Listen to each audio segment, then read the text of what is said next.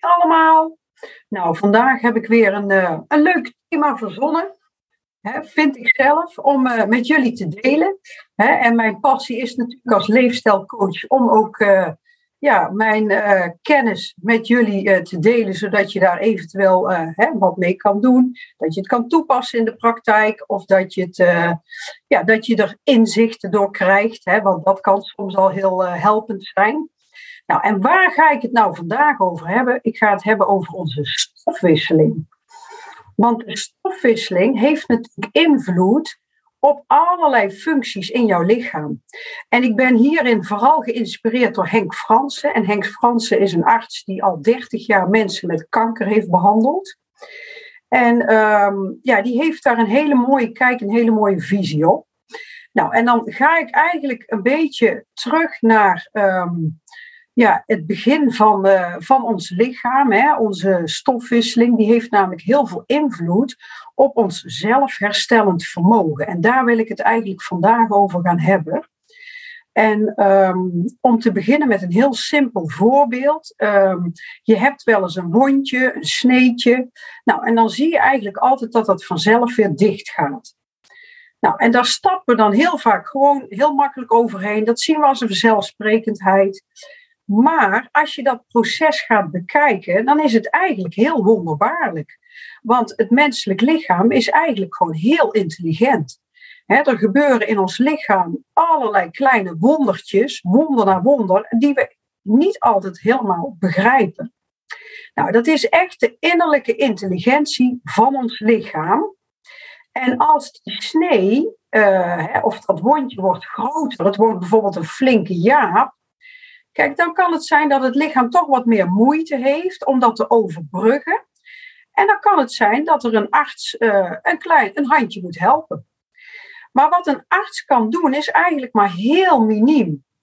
En heel simpel vergeleken bij wat het lichaam allemaal zelf doet. Kijk, die arts die kan die snee goed schoonmaken, hè, zodat er geen onnodige infecties uh, ontstaan en dan, um, hij kan de huid wat meer naar elkaar toetrekken, hè, zodat um, ja, het lichaam niet zelf die hele kloof hoeft te overbruggen. Hè, zodat het allemaal wat makkelijker wordt voor het lichaam. Maar daarna gaat eigenlijk gewoon weer het zelfgenezend vermogen aan de slag. En dat gebeurt van binnenuit. Dus een dokter en jij als mens kunnen alleen wat kleine dingen eraan toevoegen om dit zelfgenezend, zelfherstellend vermogen te stimuleren. Maar die intelligentie die zit eigenlijk van binnen. Nou, en als we dan kijken, hè, ehm, alles ja, in ons lichaam kent een, uh, een zelfgenezend vermogen. Dus niet alleen fysiek, maar ook je emoties, je gedachten, relaties, je ziel. Kijk, en een arts die kan hooguit wat ondersteunen, maar het lichaam doet het uiteindelijk zelf zowel fysiek als emotioneel zijn wij ongelooflijk sterk. En hoe ga je nou herstellen? Nou, dat doe je vaak door wat meer los te laten, te ontspannen. en zo zijn er eigenlijk al allerlei wonderbaarlijke genezingen geweest van mensen die, waarvan ze niet verwachten dat ze zouden genezen. Ja, en ja, dat klinkt allemaal heel erg simpel. en dan denk je van nou, als het allemaal zo makkelijk is, Waar gaat het dan mis? Want hoe komt het dan dat er zoveel mensen in het ziekenhuis terechtkomen of allerlei ziektes, klachten en kwaaltjes hebben? Heel veel leefstijlgerelateerde klachten zijn er. Nou, en dat heeft dan eigenlijk met onze stofwisseling te maken. En dan kom ik meteen bij de kern van de zaak. En ik ben eigenlijk wel heel erg benieuwd of jij dit herkent of dat jij weet welke stofwisseling bij jou past. Want als je kijkt in ons lichaam, is er uh, bijvoorbeeld een heel simpel onderscheid. Hè? Je hebt spanning en ontspanning. En elke vorm van spanning in ons lichaam is eigenlijk een vorm van onzekerheid en angst. En dat noemen wij ook wel eens de angst, angststofwisseling.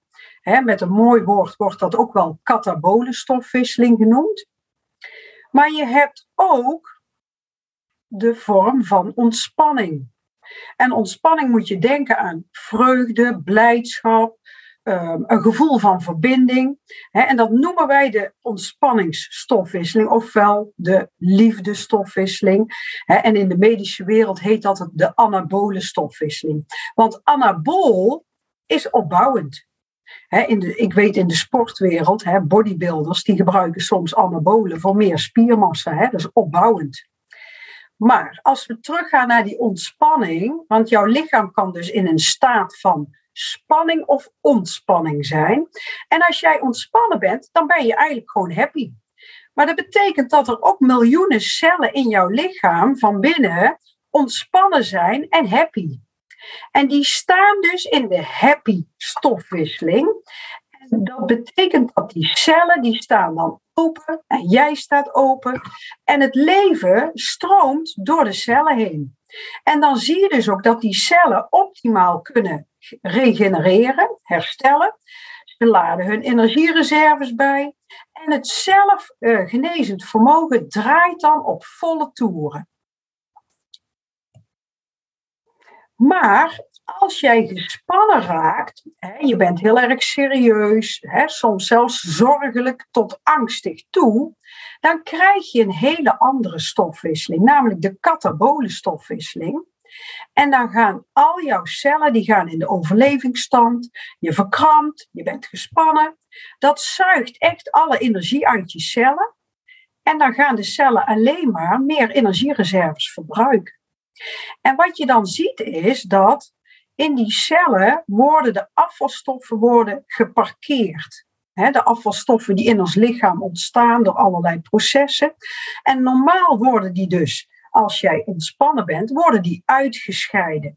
door onze uitscheidingsorganen, door de, de, de nieren, de lever, door onze huid, de longen, ehm, door onze darmen.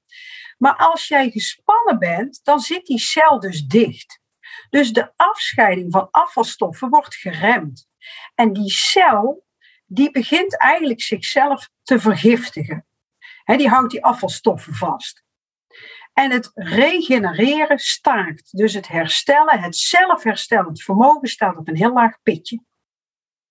En dan zie je dus dat je dus met twee soorten stofwisseling, en bedenk maar eens voor jezelf welke stofwisseling uh, bij jou past, waar jij het meest, in welke staat jij het meeste bent. Want dan zie je dus ook dat uh, wat ontspannen en gespannen, wat dat voor impact heeft op ons lijf.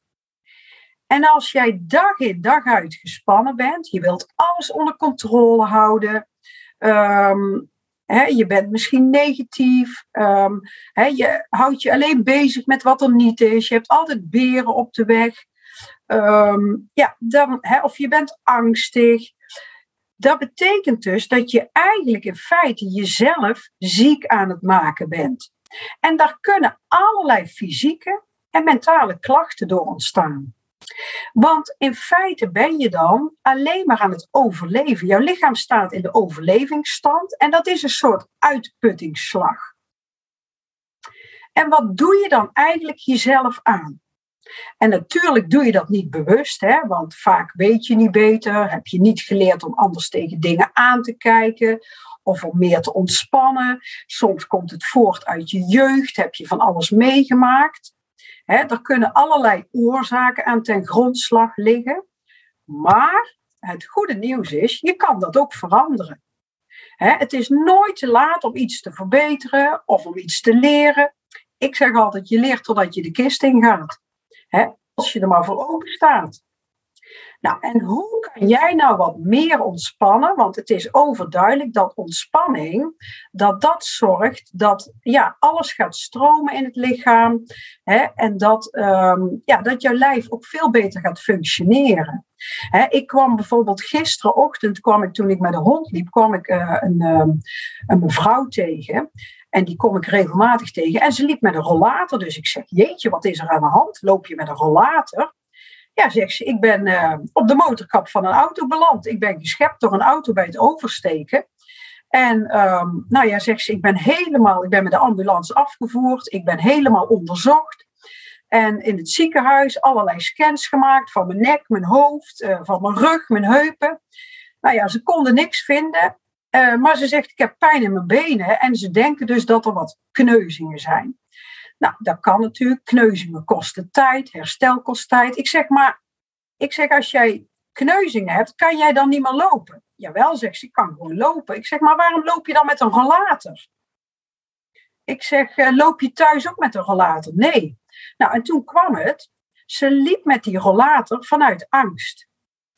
En je snapt wel, zij zit nu in haar angststofwisseling. Ja, en je kan je voorstellen wat dat doet met haar herstel. en dan heb ik het nog niet eens erover van dat ze toch een keer ook ja, die angst zal moeten ombuigen en moeten loslaten, zodat ze weer zonder een rollator durft te lopen. Want ze was dus nu bang om uh, ja, op straat te vallen of dat er iets ging gebeuren. Ze was eigenlijk, uh, ze regeerde nu vanuit angst. En je snapt wel dat haar herstel, die, uh, die kneuzingen, dat dat alleen maar vertraagt. En ehm, ja, dat ze zichzelf alleen maar tegenwerkt door die angst. Dus dan zie je dat, um, ja, dat er eigenlijk van alles kan gebeuren in je leven. Maar het is natuurlijk altijd van hoe ga jij ermee om? En wat doe je ermee? Nou, en dan heb ik twee tips hoe dat jij ervoor kan zorgen. En er zijn natuurlijk nog veel meer tips.